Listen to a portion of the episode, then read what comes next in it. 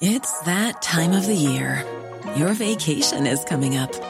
You can already hear the beach waves, feel the warm breeze, relax, and think about work.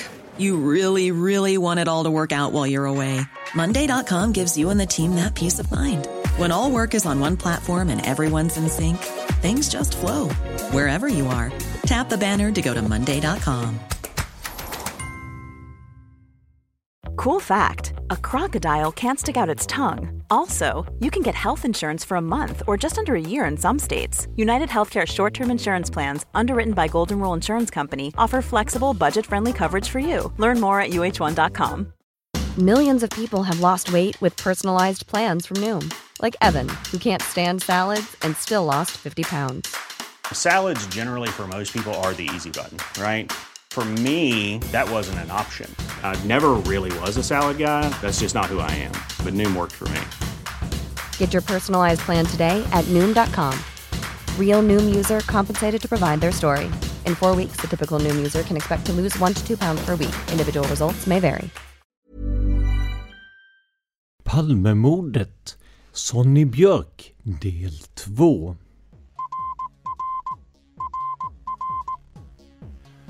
Sveriges statsminister Olof Palme är död. 90 000. Ja, det är mord på Sveavägen. Hörde de säger att det är Palme som är skjuten. Mordvapnet med säkerhet är en Smith Wesson, en revolver kaliber .357. Inte ett svar. Finns inte ett svar. För jag har inget. Polisen söker en man i 35 till 40-årsåldern med mörkt hår och lång mörk rock. Välkomna till podden Palmemordet som idag görs av mig, Tobias Henriksson på PRS Media. Som vanligt vill jag påminna er om att ni kan stötta oss ekonomiskt om ni tycker att det vi gör är bra och vill uppmuntra våra ansträngningar. Det här gör du lättast genom att gå in på patreon.com palmemordet och donera en summa som podden får per publicerat avsnitt. Det är alltså patreon.com palmemordet. Och om du hellre vill donera via Swish så hittar du numret i avsnittsbeskrivningen. Idag ska vi fortsätta att prata med Sonny Björk, ballistikern och forensikern som jobbade i Palmeutredningen från 1986 och fram till sin pension 2012. Vi kommer bland annat att beröra vapentips, Viktor Gunnarssons påstådda krutstänk och teorin om en vänsterhänt mördare. Dessutom kommer vi i slutet av avsnittet att titta lite närmare på den rapport som Nationellt forensiskt centrum, NFC, lämnade strax innan utredningen lades ner. För vi fick ju inte någon intervju med NFC, så det här är det närmaste vi kommer att få en annan åsikt om möjligheten att matcha kulor och vapen. Glöm inte att ni kan ställa frågor till Sonny Björk, frågor som besvaras i ett speciellt avsnitt. Skicka in dessa till podden Palmemordet gmail.com Alltså podden Palmemordet i ett ord at gmail.com Innan den sista maj 2022 så ska vi skicka vidare dem till Sonny för svar. Men nu över till intervjun där jag börjar med att fråga Sonny hur arbetsbördan såg ut de senare åren i utredningen. Kom det till exempel in många tips om vapen? Eh, ja, nej, det dök ju upp vapen då och då. Va? Det här Mockfjärdsvapnet dök ju upp. Och, och andra vapen som, som eh, eh mer eller mindre, ska vi säga, alltså Mockfjärdsvapnet Eh, Eh, det, det, det, kan man ju säga att det har ju inte legat i den där sjön hela tiden. Va? Den saken är ju säker. Eh, för att vi fick ju in det vapnet och eh, nu var det ju ändå så pass illa åtgånget så att man inte fick några bra bomspår från pipan. Men, men Tekniska högskolan undersökte det och kom ju fram till att det har inte legat sedan 1986 till, tills det plockade upp i den där sjön. Va? Så att min vad jag tror är att, att efter rånet så har de slängt de här vapnen i en sjö. Eh, men sen när man åker och letar, sen, sen då, om man har let, åkt och letat, så, så hittar man ju inte vapnet i den här sjön. Men, men eh, när man tar med sig den personen som kommer med tipset så visar han på en annan sjö. Men ammunition och sånt hittade, i, hittades först i en sjö, men den revolvern hittades i en annan sjö. Vilket innebär att, att det sannolikt har som någon, någon som har varit där och plockat upp det och använt det under tiden. Något som jag kommer att tänka på var ju eh, vår, vad ska vi kalla det, riksprofessor Leif GW Persson var ute i Veckans brott när det fanns och eh, hade ju fått in ett, ett tips direkt till sig så att säga. Och det har ju hänt flera gånger under, under utredningens gång. Är det positivt eller negativt för er som jobbar med det professionellt att, att så att säga folk tar det i egna händer även om nu Leif GW är tidigare eh, kriminologprofessor? Mm. Nej men alltså det, det, det är klart att det är bra att det här kommer fram. Även om, om eh, vi säger att de här, det här vapnet kanske inte hade kommit fram om, om, eh, om, om det inte hade kommit fram via Leif GW då. Och det är inget fel i det. Om en person vill vara anonym men ändå vill utnyttja en, en ska vi säga, publik kontakt för att komma ut med, med de här uppgifterna så tycker jag inte att det är fel.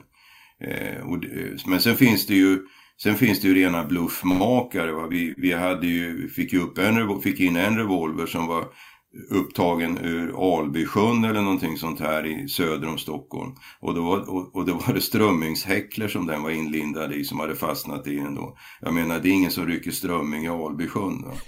Nej. Så att eh, det, det, var ju fejk då. Och vi har, vi har ju plockat upp vapen lite varstans ifrån. En del har varit av fel kaliber, en del har varit av rätt kaliber. En del har varit väldigt illa åtgångna. Eh, och av den anledningen inte kunna ha, man inte fått ett rättvisande resultat. Men min uppfattning är att inget av de vapen som har kommit fram på det viset har, har nog varit rätt vapen. Det har inte, eh, det har inte varit den typen av, av revolver. Det har varit mestadels andra kalibrar och så. Men om vi nu, om vi nu, alltså tänker oss att det rätta vapnet inte eh, har testats eller kommit fram. Vad, vad har man gjort av det enligt, från din erfarenhet? Jag tänker du har ändå jobbat med, med det här i, i hur många år som helst nu ju. Vad, vad, vad är rimligt? Har man sparat det som souvenir eller har man kastat det från en finlandsfärja som det går rykten om? Eller vad, vad är din teori? Ja, nej, men det är, ju, det är ju precis som du säger, det, det, finns ju två scenarier. Jag menar, om någon har sparat det som souvenir så det är klart att det är en enorm trofé att ha naturligtvis för, för de personer som tycker det. Eh, så det kan ju vara det ena att, att har man sparat det eller gömt undan det och sen så går det några år och, och man tycker att det känns lite säkrare att plocka fram det då. Så, så naturligtvis kan det vara sparat på det viset. Eh, det kan ju också naturligtvis vara att, att det är kastat någonstans där, där vi aldrig kommer att hitta det. Va? Så kan det ju också vara naturligtvis. Men med, med, med din erfarenhet och med de åren som du har jobbat med Palmeutredningen, finns det någon person som, är, ja, men, som du har känt är att du är lite mer het på så att säga? Vad, vad, vad lutar du själv åt? Ja, men alltså, vi, har ju, vi har ju en person som är dömd i tingsrätten på den bevisningen som tingsrätten ansåg, alltså lekmännen i, i tingsrätten, in, inte ordföranden, ansåg var tillräcklig för en fällande dom. Sen blir, sen blir han friad, alltså Christer Pettersson, sen blir han ju friad i, i hovrätten sen. Och eh, jag tycker att när man tittar på den bevisningen och, och om vi säger att man kan titta på motiv, vilket man inte ska göra egentligen, men i ett, sånt här fall måste man ju titta åt alla håll. Så finns det ju också i, i bakgrunden när det gäller Christer Pettersson ett, ett, ett, eh, tänkbart motiv eh, för varför han gör så här. Mm. Vilket syftar du på då? Jag syftar på bombmannen Tingström som han var, var som, som, blev en, som blev en rättshaverist. Alltså han råkade verkligen illa ut Tingström på, på, ett, på ett felaktigt sätt. Grovt felaktigt sätt. Och, och, tog ju hem då på, på eh, åklagare Denkert, på skatteskrapan på Kronofogdemyndigheten och även på sin vän eh, Hannu Hyttinen då som, som, som sprängdes eh, när han skulle löda ihop en bomb då. Och eh, jag menar det, det att, att det är klart Olof Palme var ju den, den yttersta representanten för det repressiva samhället i Sverige och om man då är, har eh, det motivet och, och eh, möjligheten dyker upp så, så då finns ju Christer Pettersson. Va? Men, men ja, han är ju frikänd i hovrätten så han ska inte betraktas som skyldig. Va? Det, det, det kan man ju inte göra. Men som du säger, bara skjuta in det att, att just Lars Tingström, han, han blev ju verkligen, ja, han, var så att säga, om man nu kan vara rättshaverist av en, av en god anledning, ja. så eh, han hade ju sina bekymmer med skattemyndigheterna som ja. grundade sig att han hade sålt man hade sålt eller köpt en båt och så hade det blivit eh, någon, någon siffra fel där eh, så att han inte hade förtullat den ordentligt. Sen var det ju så också att när han väl började sin rättshaveristiska bana så hade ju eh, åklagaren inlett en, en relation med hans eh, om det var, var det sambo, flickvän med den tiden? Nej, det var, det var, hans, det var hans, nej inte fru, men det var hans fäst, fästmö i alla fall. Och, och sannolikt också sambo. Nej men alltså det var ju så att han blev ju fälld för, för en brevbomb eh, mot en, sin arbetskumpan då, alltså sin delägare i en firma där, där åklagare Denkert på vissa metod, med, med, vissa metoder fick honom fälld då. Och, och sen när, när, han kommer ut så får han ju de här skatteskulderna. Men han får ju, han, han, han kom ju överens med skattemyndigheten och, och, och, och, skattemyndigheten skickar det till Kronofogden, hans firma för indrivning. Men sen kommer han överens med en avbetalningsplan med skattemyndigheten och, och eh, får den godkänd. Men problemet var att skattemyndigheten underrättade, stoppade ju inte Kronofogdemyndigheten. Så Kronofogden drev ju in hans firma och försatte honom i konkurs. Vilket gör att han tappade sin försörjning. Och, eh, där, och det, det var ju felaktigt. Va? Och därför var ju hämnden mot åklagare Deng. Nu var det ju inte åklagaren som råkade ut utan det var ju fästmannen till dottern. en kvinna som omkom på skatteskrapan och det blev en rejäl smäll på, på Kronofogdemyndigheten också i Nacka där. Och, och sen då Hyttinen som, som kanske blev farlig i sammanhanget på något sätt. Men, men då är ju alltså, det, då är teorin att Christer Pettersson skulle ha utfört det här, inte egentligen av, av eget samhällsart, utan så att säga åt, åt eh, eh, Lars Tingström, då bombanden, eller? Eller menar du att det skulle funnits egna motiv för Christer Pettersson också? Nej, det, det, tror jag inte. Jag vet inte. Jag känner inte till om han skulle ha haft ett, ett ska vi säga, ett, ett hårt, högt drivet hat mot Olof Palme som sådan. Det, det, det vet jag inte. Men, men eh, jag är inte ensam om att tycka att man kan nog titta lite grann på den relationen han hade med Lars Tingström. Och att det kan finnas en orsak där. Va? Sen kan han ju vara så kraftigt påverkad så att det förstärker och förändrar hans syn på verkligheten i sammanhanget. Det, det vet man ju inte. Han kan ju till och med varit så påverkad att han egentligen inte kommer ihåg vad han har gjort. Va? Det är sånt, sånt händer ju också. Så att, eh, men, men ja, jag säger han är frikänd i hovrätten och han ska inte betraktas som skyldig. Va? Nej men så är det ju absolut. Och det, det som jag tänker där är ju att eh, Christer Pettersson när han gjorde sitt, ja men mest berömda, eller vi ska kalla det ökända dåd, det där bajonettdådet, så var det ju, det har ju liksom aldrig varit frågan om, om om skjutvapen vad jag vet. Det har varit knivar, det har varit eh, bajonett, men, men skjutvapen och Christer Pettersson har jag inte talat om. Vad säger du om det? Att det där är, för att använda ett, ett amerikanskt uttryck, bullshit. Jag menar att, att det, det, är, det, är någon konstig inställning som vissa poliser har. Så att har, de hugg, har de haft ihjäl en person med kniv, ja, då kan de inte använda skjutvapen. Men det, det är ju helt felaktigt. Jag, jag, och, han, och de säger att han kan ingenting om skjutvapen. Jag var på, på eh, om det var TV3 eller vad det var, som, som hade, gjorde ett program där han var med och jag var med och vi satt utanför och väntade. Eh, och han började prata med mig och frågade vad, vad jag var. Så jag kriminaltär. Jag skulle visa vapen? sa han. Ja, det ska jag göra. Så jag. Revolver. Ja. ja, vad har du för revolver? Jag plockar upp en Smith Wesson ur väskan då. Ja, ja det, det, här, det här bland annat. Jaha, säger han. Det där är väl en Highway Patrolman? Säger han. Ja, det är det, så jag. Ja, och det såg han tvärs över bordet. Eh, med en, det är en speciell stomme. Det är ett, en större variant av revolverna. Men så helt eh, ska vi säga, okunnig på vapenbiten verkar han ju inte vara. Så att, eh, men det där är helt fel. Det, man kan inte säga liksom, han bara använt och då kan han aldrig använda skjutvapen. Det där är ju helt fel. Mm, mm. Men det är ju en, en, en, myt om vi säger så som har gått både bland polis och bland allmänhet ju att eh, eh hur, hur, hur kommer det sig att man att man fastnar i det, i det spåret då? För att jag menar uppenbarligen som du säger då så, så kan man ju byta eh, teknik. Ja men säg så här då. Om man hade haft en, en pistol på sig istället för en bajonett när han hade ihjäl den första personen.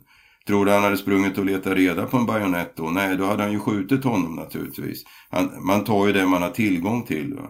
Och vill man inte gå runt med ett vapen och, och riskera att bli fälld för vapenbrott och få fängelse, ja då kan man ju ha en, en bajonett på sig. För den tiden gällde ju inte knivlagen. Så att, eh, och en bajonett kan vara väl så effektiv som ett skjutvapen i och för sig. Då, men, men eh, så det, vid de tillfällen, ja han hade kniv på sig, då använde han det. Hade han haft ett skjutvapen på sig så vill jag hävda, då hade han nog använt det. Just det. Det är tillgång och efterfrågan du tänker? Ja, ja, ja. ja. Men om vi tar oss framåt i, i, i tiden här.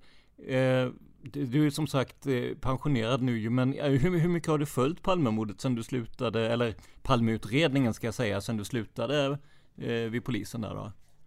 Nej, men alltså det, jag kan inte säga att jag har sökt information och så vidare. Det, det, det, har, det har hänt någon enstaka gång att jag har blivit kontaktad även efter jag har gått i pension med några speciella frågor om vissa saker.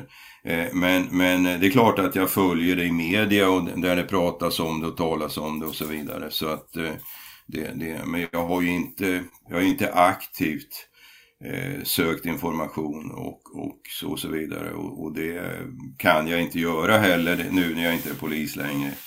Tidigare så hade man ju, kunde man ju komma in på polishuset i Stockholm och gå och träna där och så vidare. Men det tog ju helt stopp eh, efter, efter en tid. Så, så nu, man, nu, man, nu, när jag jobb, nu när jag jobbar åt, för att biträda Eh, försvarsadvokater i, i, i grova brott så är jag, eh, blir jag ju nästan lite mm, mer illa sedd då på polishuset än vad jag var tidigare. Det är, inte, det är inte alla som tycker att det är okej okay att jag håller på och hjälper dem på det viset med, med de kriminaltekniska undersökningarna. Men det, men det skäms jag inte för. Nej, nej, för idag är du, vad ska vi kalla det? Ja, du är pensionär men också någon form av eh, kriminalteknisk konsult, kan vi kalla det det? Ja, just det. Forensisk konsult eh, valde jag eftersom man har Nationellt forensiskt center då, så har ju namnet forensik och forensik vunnit mera, alltså kriminalteknisk eh, konsult eh, hade jag tänkt kalla mig också då, men jag valde forensisk konsult istället. Så att, eh. There's never been a faster or easier way to start your weight loss journey than with PlushCare. PlushCare accepts most insurance plans and gives you online access to board-certified physicians who can prescribe FDA-approved weight loss medications like Wigovi and Zepbound for those who qualify. Take charge of your health and speak with a board certified physician about a weight loss plan that's right for you. Get started today at plushcare.com slash weight loss. That's plushcare.com slash weight loss. Plushcare.com slash weight loss. Hey there, it's Michelle Norris. I'm host of a podcast called Your Mama's Kitchen. When I travel, I'm usually looking for a way to find a taste of home when I'm not at home. And one of the things I love to do when I am at home is entertain. And Airbnb allows me to do that. When I was in California recently, I rented a house that had a great kitchen. And when we were sitting around the table, we we're all thinking, we're in someone else's house. Someone could be in all of our homes as well. If you have a home, but you're not always at home, you have an Airbnb. Your home might be worth more than you think. Find out how much at airbnb.com/slash host.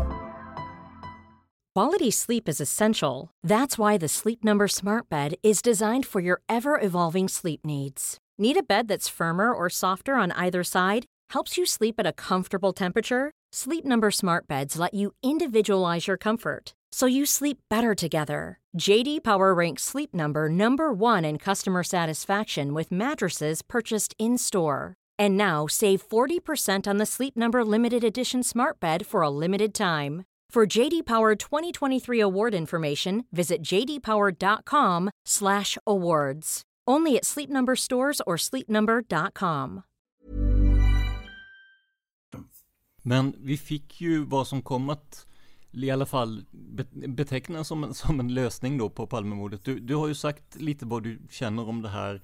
Det kom mycket kritik mot att man på relativt lösa grunder sades det pekade ut en person. Hade du några tankar kring det? Ja, pratar du om Stig Engström? Jag pratar om Stig Engström och eh, ja, att man presenterade honom som den i alla fall mest tänkbara mördaren, även om man inte sa rakt ut vad jag minns att, att han hade gjort det. Nej, nej alltså men, men eh, Christer Petersson då, alltså åklagaren, eh, han säger ju så att han tycker att, att eh, Stig Engström har farit med osanning som han ser det eh, och, och, han har berättat och sagt saker som är felaktiga och han har försökt själv att på något sätt förklara varför han skulle ha sprungit där uppe då på gatorna ovanför trappen och så vidare. Och Christer Petersson säger det att han kommer inte runt Stig Engström. Och om Stig Engström hade levt så hade han anhållit honom eh, och försökt att få honom häktad som misstänkt för, för, för det här brottet. Men sen är, och, och för att kunna bedriva förundersökning med honom som misstänkt. Men så säger han ju också, sen är det ju upp till domstolen och, och eh, bestämma om det ens eh, skulle ha blivit häktningsskäl här. Va? Men han hade i alla fall anhållit honom som misstänkt. Och han hade förklarat varför han, enligt Christer Petersson då, eh, ljuger om saker och ting. Va? Så att Christer Petersson har inte sagt att det är han, men han säger att han kommer inte runt honom och han har saker och ting att förklara. Eh, sen att man gör då en, en dokumentär, eller, eller nej inte en dokumentär utan en form av spelfilm Ja, och förlöjligar honom på ett vis. Och ja, det tycker jag är väldigt osmakligt. Alltså förlöjligar Stig Engström. Det tycker jag är väldigt osmakligt alltså. Det, det tycker ju även eh, ja, folk runt omkring honom har ju reagerat väldigt, väldigt starkt ja, på det. Ja. Och reagerat starkt också i och med att det blev en, en JO-anmälan också på att man gick ut med Engströms namn och de tyckte ju att, att han då hade blivit utpekad som trolig mördare. Men som du säger, det var ju inte, det var inte riktigt så orden föll. Nej, nej, nej absolut inte. Jag, jag, var, jag var med också på direktsändning på SVT när, när, efteråt och så vidare. Så att, eh, och, och försök, och det, det, det, kom ju fram, man, man försökte säga, ja men man har inte sagt att det är han, utan åklagaren säger att, att, att man inte kommer runt honom. Och att han tycker att det finns anhållningsskäl, gripande skäl då, bara för att han ska få förklara varför han inte talar sanning i sammanhanget. Då. Eh, samtidigt så tänker jag att det är ju inte det enda vittnet som inte har talat sanning. Vi har ju Viktor Gunnarsson till exempel som pratade väldigt mycket. Vi hade en, en person som vi kan kalla Alf L som, som också eh, visade sig komma med en hel del falska uppgifter. Så han, den senare var ju aldrig misstänkt. Så jag tänker det, det i sig är väl inte ett fullgott skäl, tänker jag. Ja, men det beror ju på vad man, vad man talar osanning om. Om, nu, om vi nu säger att, att eh, samstämmiga, samstämmiga vittnen säger att, att gärningsmannen springer gränden in, springer upp för trapporna och sen försvinner åt höger eller vänster eller någonstans. Och sen då så finns det de som lämnar en beskrivning av en person som kommer springande där som till viss del stämmer överens med hur eh, Stig Engström var klädd då i sammanhanget. Och, och då han själv går in och säger att ja men eh, han, han vill ju då komma fram i media och säga att den personen ni misstänker och pekat ut, det var faktiskt jag. Jag var ju uppe och sprang där uppe och letade efter gärningsmannen. Och det är klart att det är ju en perfekt förklaring till varför man befin, befann sig springande där uppe strax efter mordet. Så att, eh, och han har ju inte varit eh, vad andra vittnen säger närvarande framme vid kroppen under den tiden Olof Palme har legat där eller pratat med Lisbeth Palme är ju ingen som, som eh, säger att han har gjort och så vidare. Så att han, och då menar han ju på då att han skulle ha återvänt till brottsplatsen där nere sen och pratat med henne, eller om han hade pratat med henne innan och så vidare. Så det, det jag menar, det sättet att resonera kan ju vara ett sätt att, att eh, ska vi säga, eh, försöka förklara varför man, han blir utpekad då som har sprungit uppe på mm, vilken gata, jag kommer inte ihåg vad gatan heter där uppe nu men. Men det finns ju uppgifter som det, att det stämmer, stämmer överens i utseende med, med den personen man ser där. Va? Men, men apropå personer som har ljugit i utredningen nu, det här har jag inte skrivit ner där, men vi ska se om vi kan komma någon vart med det. Vi, vi hade ju som sagt Viktor Gunnarsson som var en av de första ordentligt misstänkta och där gjorde man ju en en krutstänksanalys vill jag minnas. På hans rock eller jacka. Vad, vad, vad minns du om det? Vad vet du om det? För det har ju varit väldigt, när man har läst om Gunnarsson så har det varit väldigt fram och tillbaka vad den påstås säga eller inte säga. Det säger ingenting. Man hittade en tändsatspartikel på jackan. Och jackan hade paketerats i bostaden hos Viktor Gunnarsson när man gjorde husrannsakan. Sen kommer den upp på tekniska roten i Stockholm. Då packar man upp den eh, eh inne på roten där, där vi som provskjuter vapen dagligen håller på och huserar. Så det är konstigt att det inte fanns mer tändsatspartiklar på jackan. Det är en uppenbar kontaminationsrisk att, att den, ja, vad, jag, vad jag för mig så är det bara någon enstaka tändsatspartikel. Och det säger absolut ingenting om, om eh, att, att den skulle ha varit i närheten av ett vapen som man avlossar. Eh, absolut inte. Så det, det, ja. Och den var väl till och med nere i Visbaden och vände ja, då, ja, ja, ja, ja, just det. Nej men alltså man kan, man kan ju ta prov på tändhatten eh, i, i en patronhylsa och se om det stämmer överens. Nu, nu fanns ju inte, vad heter det, patronhylsorna att skrapa ur. Men det är klart att det finns ju tändsatspartiklar på kläderna. Så man kan göra jämförelse och se då, har den här tändsatspartikeln eller det som finns på Viktor Gunnarssons jacka samma grundämnessammansättning som de tändsatspartiklarna som finns på kläderna. Och har det det så säger det bara att ja, okej, okay, de stämmer, men det finns så pass många eh, ammunitionsfabrikanter som har samma typ av tändhatt. Så det säger, alltså att en, en tändsatspartikel då som man pratar om, den, den kan aldrig, du kan aldrig binda den till en hylsa. Vilket innebär att du kan inte binda en tändsatspartikel till en specifik skjutning heller. Så att, så att eh, det, det där säger absolut ingenting. Det är typiskt att man övervärderar en, en form av bevisning som inte är någon bevisning. Nej. Är det, är det någonting du tycker övervärderas av utredningen eller av oss som inte är i utredningen så att säga? Nej, men det fick ju, man hade ju inte den kunskapen egentligen heller. Alltså, SKL på den tiden, de, de la ju inte så stor vikt vid tändsatspartiklar när de påvisade för att de vet ju hur, hur chansartat det är att de, de hamnar, hur lätt det är att de kontamineras om det är kontakt med någon som har skjutit och så vidare. Så det, jag tycker att det, vi var väl dåliga när det gäller det också, att, att man basunerade ut det som att det skulle styrka att han har faktiskt skjutit med ett, handba, med ett vapen. Men det, det, det, gör det ju inte. Alltså hur generellt en, den, den, den partikeln eller de partiklarna eventuellt som fanns där. Alltså skulle jag kunna få det genom att använda på stan liksom? Jag tänker, kan man få det från, från annat än just krut eller är det, är det specifikt från avfyrade vapen? Ja, det lär ju finnas, alltså man pratar i, ibland om sådana här spikpistoler, alltså de här som är krut. Det finns ju eh, spikpistoler som är som är drivna med, med, eh, krut, med patroner. Va? Eh, och de ger ju någon, någon form av grundämnessammansättning som liknar det här. Vissa fyrverkeripjäser ger också grundämnessammansättningar men för att de ska räknas som tändsatspartiklar så, så ska de innehålla bly, barium och antimon.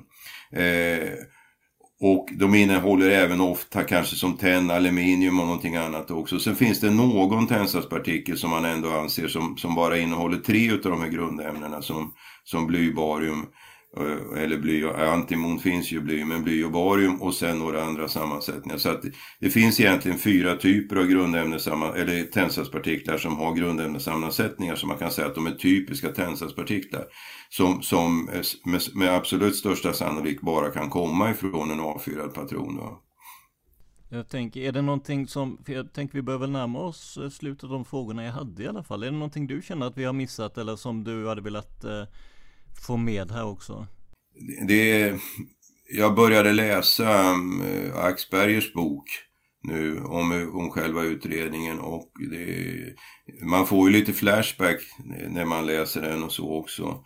Men, men jag tycker att det, det, det är lite sorgligt eh, efteråt så här att, att utredningen skötte som den gjorde och att Holmer fick Eh, de möjligheterna uppifrån att till och med blåsa av åklagarna som egentligen ska vara de som står för tvångsmedel och sånt i en förundersökning och när det finns misstänkta personer så ska ju det vara åklagarledda förundersökningar. Så att eh, jag tycker att det är ledsamt att det blev på det viset. Jag kan inte säga att utgången har blivit någonting annorlunda. Men man ser ju idag, man klagar ju idag väldigt mycket på att det är ju väldigt mycket skjutningar i samhället. Folk blir ihjälskjutna och, och det är ingen som blir dömd för det. Nej, men, men det är inte så konstigt. Vi har, den här utredningen har pågått sedan 1986 och ingen har blivit dömd för, för, att, för mordet på Olof Palme som blev skjuten på öppen gata. Så att det, är inte, det, är inte, det visar att det är väldigt svårt att utreda och idag är, finns det ju ofta åtminstone hylsor kvar på platsen. Man kan ha övervakningsfilmer, bilder och, och, man får misstänkta och de kan ha mycket tändsatspartiklar på sig och så vidare. Så att det finns mer bevisning idag tycker jag nog. Men, men eh, eh, jag tror att man hade undvikit mycket, ska vi säga, många människor blev utsatta för problematiska misstankar och så under den här förundersökningen. Eh, och det, det, är naturligtvis väldigt trist för, för dem, eh, det tycker jag. Så att vi kan, vi kan inte skylla allting på tidsandan eller så här, utan det fanns även ett, ja, om du vill kalla det ledningsproblem eller liknande då? Ja, det tycker jag och, och alltså normalt sett när du, när, om du ska göra en objektiv förundersökning då måste du basera den på fakta i sammanhanget. Och fakta i det här sammanhanget, det är inte speciellt mycket. Det är kulorna på platsen, det är skottskadorna i kläderna, det är skottskadorna på makarna Palme och så vidare. Det är ju egentligen det som är fakta i sammanhanget. Eh, och, om, om man, och när det blir så lite fakta, då, då kommer man ju att spekulera väldigt, väldigt mycket i, i sammanhanget av hur det har gått till. Men jag tycker i det här fallet så har ju spekulationerna, eh, man har bestämt sig för att det är de här personerna som är skyldiga och, eller den personen som är skyldig och så har man gjort, drivit det på ett sätt som gör att sånt som egentligen inte är hållbar bevisning har graderats upp på ett sånt sätt så att man tycker att ja, nu finns det ju hållbara bevis eller det finns så mycket som pekar mot de här personerna eller den personen. Så man kan göra husrannsakan, man kan gripa och så vidare och så vidare. Så att, eh, och det är väl egentligen då, som jag ser det, bevisningen mot Christer Pettersson som, som, som egentligen håller när det gäller att ett, ett gripande och ett anhållande. Just det. Men det här du säger med att man så att säga uppvärderar eller uppgraderar bevis och, och, liknande, det gör ju egentligen att delar av utredningen på den tiden har ju en, en gemensam nämnare med det som vi lite föraktfullt kallar för konspirationsteoretiker, för där är det ju också väldigt mycket att se till, till det, ja, man, man hittar så att säga lösningen först och sen försöker man hitta saker som passar in i lösningen. Ja, det, så är det. Sen, sen, tycker jag också att det är väldigt synd att man inte lyckades få Lisbeth Palme att samarbeta mer. Jag var med själv i de här konfrontationerna som var. Och eh, att åklagarna sen sätter sig med henne nere i, i, i Gamla stan eller på Riddarholmen någonstans och tittar på videon. Man har inte Christer Petterssons försvarsadvokat närvarande. Hon pekar ut honom på videofilmerna där som varande den som har skjutit. Det, det blev ju, alltså det, blev, det var väldigt illa gjort av åklagarna att göra på det viset. Men de trodde ju inte på det här. De, alltså en, en, en, en, en eh, missbrukare från Sollentuna kan ju inte ha mördat våran statsminister. Men det är, det är, som sagt, det är synd att, att äh, det läckte från utredningen och annat som gjorde att hon, hon var inte villig att medverka. Va?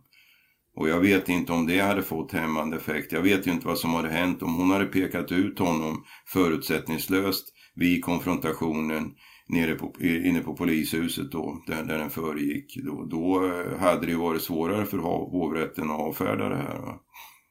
Som sagt, vi har intervjuat Lars Borgnäs eh, eh, tidigare i podden ett antal gånger och han kom ju med ganska eh, uppseendeväckande uppgifter eller teorier i, i, i sin senaste bok här vad gällde skottordningen bland annat. Att man skulle ha skjutit mot Lisbeth först och därefter mot Olof och sen hade han också en, en teori om att mördaren skulle varit vänsterhänt. Vad, vad, vad, kan du säga om det? Har du tagit del av de uppgifterna? Nej, eh, nej det har jag inte faktiskt. Och ehm, eh, ja, alltså skjut, skott och skjutordningen. Eh, jag tror inte på den. Jag, jag, och jag är inte ens säker på att skytten var medveten om att andra skottet sköt han mot Lisbeth Palme. Eh, det finns ju den här, i USA har man ju den, den frågeställningen Why is the suspect shot in the back? Jo, det beror på att i en stressad situation, i en skjutsituation, att hjärnan är långsammare än vad en person så att säga är i sammanhanget. Utan om du blir hotad Polismannen är övertygad om att han har skjutit den här personen i bröstet men när han obduceras så visar det sig att han är skjuten i ryggen eller snett i ryggen. Och då har man gjort undersökningar och det visar sig att det går, det går, det går fortare att snurra runt och börja springa än vad det tar för polismannen att uppfatta att det har skett. Va? Så man skjuter mot vad man tror är en bild eh, utav personen framifrån. Men eftersom man träffar så måste ju den andra hjärnhalvan ha varit med ändå och se att vad man egentligen siktar på. om den effekten kan ha inträtt här att han skjuter mot Olof Palme. Jag menar han kan ju bli lite bländad utav mynningsflamman och sådana saker också. Och, och han, Olof Palme blir ju träffad i centrala nervsystemet vilket gör att han, han måste i princip falla ihop rakt ner. Va? Och, gå, och, och om då makarna Palme håller i varandra så kommer han ju att dra, dra ner, dra Lisbeth Palme med sig ner. Om, han, det, om han då, skytten, får en känsla av att, att Olof Palme är, är fortfarande kvar framför honom och skjuter. Och så skjuter han ut med ryggen på Lisbeth Palme. För att eh, om han hade velat eh, att hon också skulle bli ihjälskjuten så hade han skjutit ett skott till om han hade fler patroner i vapnet. Då. Finns det någon anledning att inte ha fullt vapen egentligen? För det är väl sex, eh, sex patroner? Ja, nej men det kan ju vara det. Säg, säg att han, han vet vad det finns en revolver, eller gärningsmannen vet vad det finns en revolver. Han vet vad det finns ammunition, men han hittar bara två patroner i den kalibern. Eh, bland, bland de här patronerna som finns illegalt. Och det, ofta är det ju en blandning av ammunition de har i sina vapen. Så att det är inte så att de söker efter en speciell typ. Det händer ju också naturligtvis. Men men det kan ju bara vara att han bara fick tag i två patroner. Det vet man inte. Va? Men, men jag tror inte på den teorin att man skulle ha skjutit mot Lisbeth Palme först och sen Olof Palme. Det, det, det, tror jag faktiskt inte. Och det stämmer inte överens med skjutriktningen heller egentligen om man tittar på vad kulan har träffat i, i, i, på gångbanan. Det är flera som, som vis, har visat på var, var de ser att det ryker till i snön och isen då där kulan slår i. Och då kan han inte ha skjutit mot henne först. Va? För då skulle han ha skjut, skjutit tvärs över Sveavägen och det är, inte, det är inte skjutet tvärs över Sveavägen. Går det att säga någonting, som du säger, utifrån skottvinklar, var kulan hamnade och sådär, om mördaren har skjutit med höger eller vänster hand? Nej, det gör det ju inte naturligtvis. Utan det, det är ju snarare det att håller han den i höger hand, eh, för Olof Palme är ju skjuten ganska centralt i ryggen, ja då har han ju befunnit sig på Olof Palmes vänstra sida. Och har han hållit revolvern i, i, i vänster hand så har han befunnit sig på Olof Palmes eh, högra sida. Eh, mer eller mindre då. Eh, även om han håller vapnet ganska rakt framför sig. Va? Så att eh, det tror jag inte och det saknar ju betydelse i sammanhanget också om vi inte skulle ha en, en, en person som är enarmad och bara är vänsterhänt eller en så utpräglad vänsterhänt att han inte kan göra någonting med vänster med, med, med, med höger hand. Va? Det finns ju faktiskt en, en, en, en teori, och vad hette han som skrev det nu? Jag kommer inte ihåg. Eh, en, som, som eh, en, en behandlingsassistent som skrev om en, en eh, en patient till honom som faktiskt råkade vara enarmad så att som, som skulle jo nu ska jag upp och skjuta den jäveln Olof Palme heter boken men det, jag, jag, eh, jag tänker att det finns inget vittne som pratar om en enarmad man i alla fall det... ja, I praktiken så spelar det ju ingen roll om man är höger eller vänsterhänt. Men, men min uppfattning är att det, det, finns ingenting som, som kan ligga till grund för en bedömning om han skjuter med höger eller vänster hand. Och det gör ju att även om du får in en vänsterhänt person som misstänkt, som då är lite ovanligare, så, så skulle ju inte det hjälpa ett dugg. Nej, nej.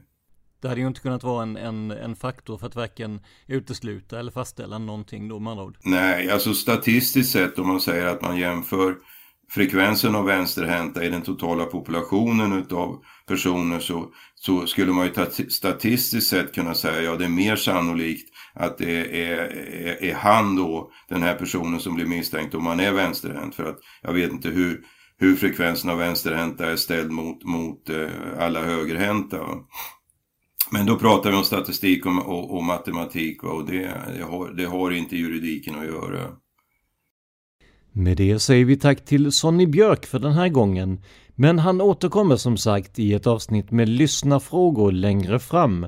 Så mejla era frågor redan nu till podden Palmemordet gmail.com Alltså podden Palmemordet i ett ord gmail.com till samma adress kan du också skicka synpunkter och tips som jag, Dan och vår administratör Eva tar emot. Hej, det är Paige DeSorbo från Giggly Squad. High quality fashion without the price tag. Say hello to Quince. I'm snagging high-end essentials like cozy cashmere sweaters, sleek leather jackets, fine jewelry, and so much more. With Quince being 50 to 80% less than similar brands And they partner with factories that prioritize safe, ethical, and responsible manufacturing. I love that. Luxury quality within reach. Go to quince.com slash style to get free shipping and 365 day returns on your next order. Quince.com slash style. Here's a cool fact a crocodile can't stick out its tongue. Another cool fact you can get short term health insurance for a month or just under a year in some states. United Healthcare short term insurance plans are designed for people who are between jobs, coming off their parents' plan, or turning a side hustle into a full time gig. Underwritten by Golden Rule Insurance Company, they offer flexible, budget friendly coverage with access to a nationwide network of doctors and hospitals. Get more cool facts about United Healthcare short term plans at uh1.com. Planning for your next trip?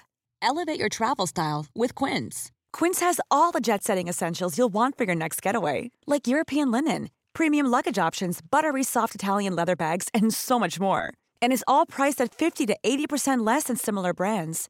Plus, Quince only works with factories that use safe and ethical manufacturing practices.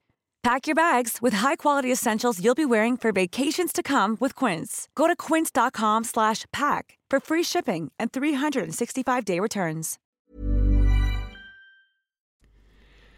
Nu ska vi till sist se vad Nationellt forensiskt centrum, NFC, kom med för slutsats innan utredningen lades ner. Delade de Sonny Björks bild av att det hade gått att matcha kulor och vapen? Som ni hörde i förra avsnittet ville NFC inte ställa upp på en intervju, men i rapporten hittar vi delar av det som skulle kunnat bli deras svar. Vi kommer bara att läsa valda delar ur rapporten och om ni själva vill läsa hela så finns den på såväl vpu.nu som på palmemordsarkivet.se. Och vi börjar med att se vad NFC säger om själva kulorna. Citat. Kulorna är av typen metal piercing, en kultyp som förekommer i patroner i kaliber 357 Magnum av märket Winchester. Enligt tillverkaren har kulor av aktuell typ och massa endast saluförts i fabriksladdade patroner i kaliber 357 Magnum. Winchester kan dock inte utesluta att aktuell kultyp även kan ha laddats i annan kaliber, exempelvis för internt bruk, för försök eller på särskild begäran. Det går heller inte att utesluta att sådana kulor kan ha nyttjats i handladdad ammunition i annan kaliber än 357 Magnum. Kulorna, som i ursprungligt skick väger 10,2 gram, 158 grains, har märken efter passage genom räfflade piplopp med fem högervridna bommar och bombredden cirka 2,4 till 2,5 mm. Kulorna har en mycket begränsad mängd spårdetaljer som är användbara för individualiserande jämförelse i syfte att binda dem till det vapen de utskjutits ur. Detta beror dels på att kulorna har fått spår från piploppet endast i begränsad omfattning och dels på att de sedan deformerats och blivit repade genom träff mot en hård yta. Spåren i kulorna är inte tillräckliga för att avgöra om de skjutits ut ur ett och samma piplopp. Samma jämförelse av kulorna inbördes har utförts vid tyska BKA, amerikanska FBI och vid SKL, Kommentar Statens kriminaltekniska laboratorium, det som senare blev NFC, slutkommentar. Alla med samma resultat. De spår som förekommer på kulorna är så begränsade i omfattning och komplexitet att de sannolikt inte är, eller någonsin har varit, praktiskt möjligt att eh, genom jämförande spårundersökning binda kulorna till det vapen de utskjutits ur. Slutcitat. Vad gäller tänkbara mordvapen menar man att kaliber och bomdata hos kulorna överensstämmer med motsvarande för kulor utskjutna ur revolver i kaliber .357 Magnum av märkena Smith Wesson, Ruger, Taurus, Lama, Ruby, Eskodin, Kastner och Manuin samt med pistoler av märket Conan, även de i kaliber .357 Magnum. Det här gör alltså att även om Smith Wesson ansågs mest trolig så finns det rent logiskt inget som motsäger att mordvapnet var ett av de andra märkena, även om dessa får antas vara avsevärt mer ovanliga i Sverige. Efter att man konstaterat att Olof Palme sköts på ett avstånd av 10 till 30 cm och Lisbeth på ett avstånd av 70 till 100 cm så går man igenom en del olika vapen som varit intressanta i utredningen. Det här kommer vi inte att fördjupa oss i just nu, men återkommer gärna till det i ett senare avsnitt. Ni kan också höra en sammanfattning om de här vapnen i de tidigare avsnitten om just detta. Under rubriken Faktorer som har kunnat påverka undersökningsresultaten får vi en intressant inblick i hur man jobbade med kulorna och vapnen strax efter mordet. Citat. Statsminister Olof Palme sköts till döds strax före 23.30 den 28 februari 1986 varvid även hans fru Lisbeth skottskadades lindrigt. Den kriminaltekniska undersökningen, liksom hanteringen av bevismaterialet, utfördes av Stockholms tekniska rotel under ledning av dess dåvarande chef, kommissarie Vincent Lange. SKL engagerades inte i utredningen förrän SKL på eget initiativ tog kontakt med utredningsledningen måndagen den 3 mars. Syftet med kontakten var att vidareförmedla information som SKL erhållit från andra kriminaltekniska laboratorier avseende kulorna från mordplatsen, baserat på uppgifter från Stockholmspolisen som publicerats i media världen över.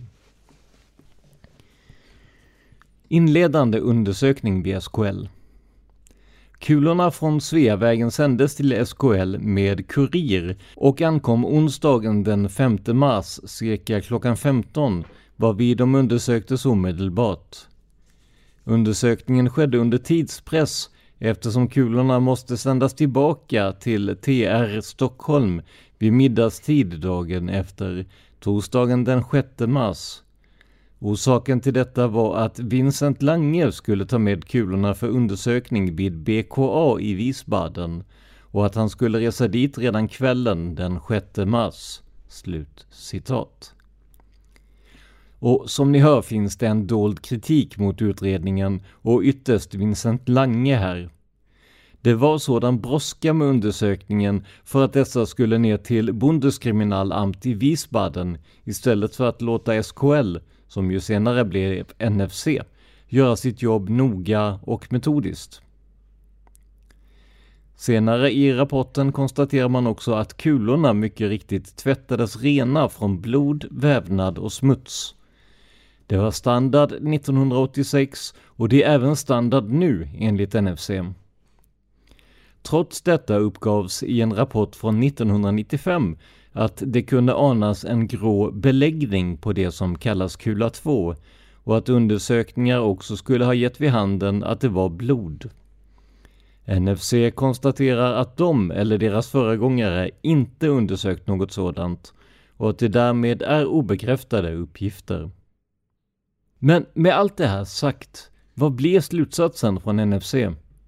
Jo att, citat, Utifrån den begränsade spårmängden bedöms kulorna från Sveavägen sakna potential för att med dagens metoder kunna bindas till, identifiera, det vapen eller den pipa de utskjutits ur.